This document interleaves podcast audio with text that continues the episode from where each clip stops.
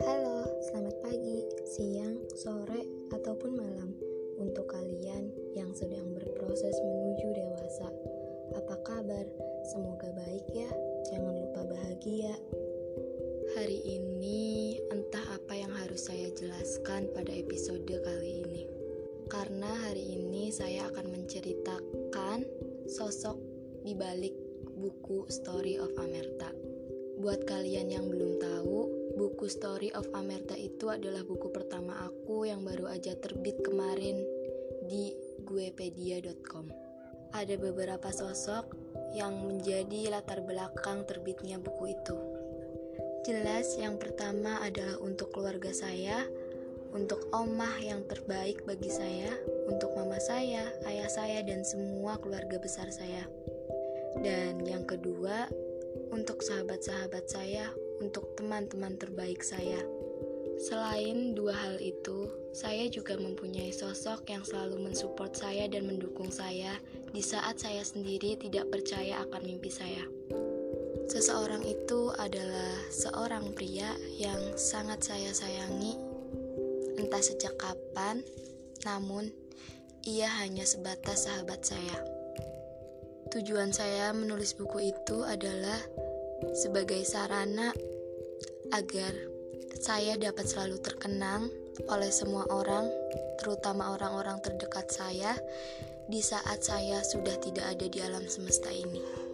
Karena tujuan utama saya sendiri bukan karena ingin mendapatkan uang atau penghasilan, namun saya ingin membuat diri saya sendiri bangga akan kemampuan saya dan percaya terhadap mimpi saya. Saya berharap saya bisa mengajarkan banyak hal baru melalui buku itu. Meskipun saya tahu saya belum bisa menjadi penulis yang terbaik karena saya juga masih dalam proses belajar. Saya menulis buku itu untuk sahabat saya yang saya cintai. Tentunya yang tidak akan pernah bisa saya miliki. Buku itu menceritakan sosok wanita yang sangat sederhana dan memiliki keluarga yang sangat berantakan.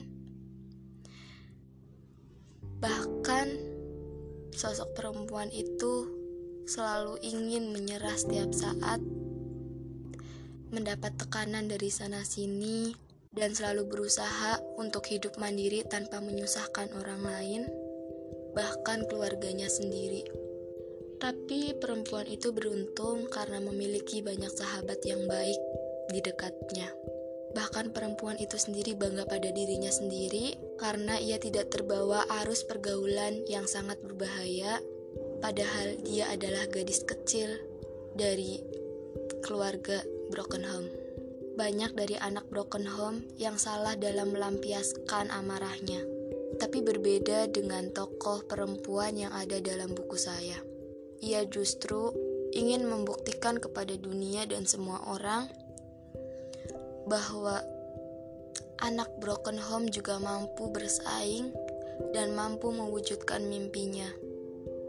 Dan pada satu waktu ia menemukan seorang sahabat pria yang selalu mendukungnya di setiap masalah yang ia hadapi. Namun sayangnya, percintaan perempuan kecil itu tidak pernah berjalan dengan semestinya. Walaupun ia selalu berharap jika ia bisa menemukan orang yang tepat dalam hidupnya. Perempuan itu tidak pernah dendam kepada siapa pun karena pernah tersakiti, bahkan kepada ayahnya sendiri yang telah menyakitinya pertama kali. Namun, ia selalu menyayanginya dengan tulus karena dia tahu inilah takdirnya. Inilah yang sudah ditentukan oleh Tuhan. Bukan salah ayahnya, bukan salah ibunya, atau bukan salah dirinya. Kalau kalian penasaran gimana akhir cerita dari gadis kecil ini, kalian bisa beli buku Story of Amerta di e-commerce yang sudah ada.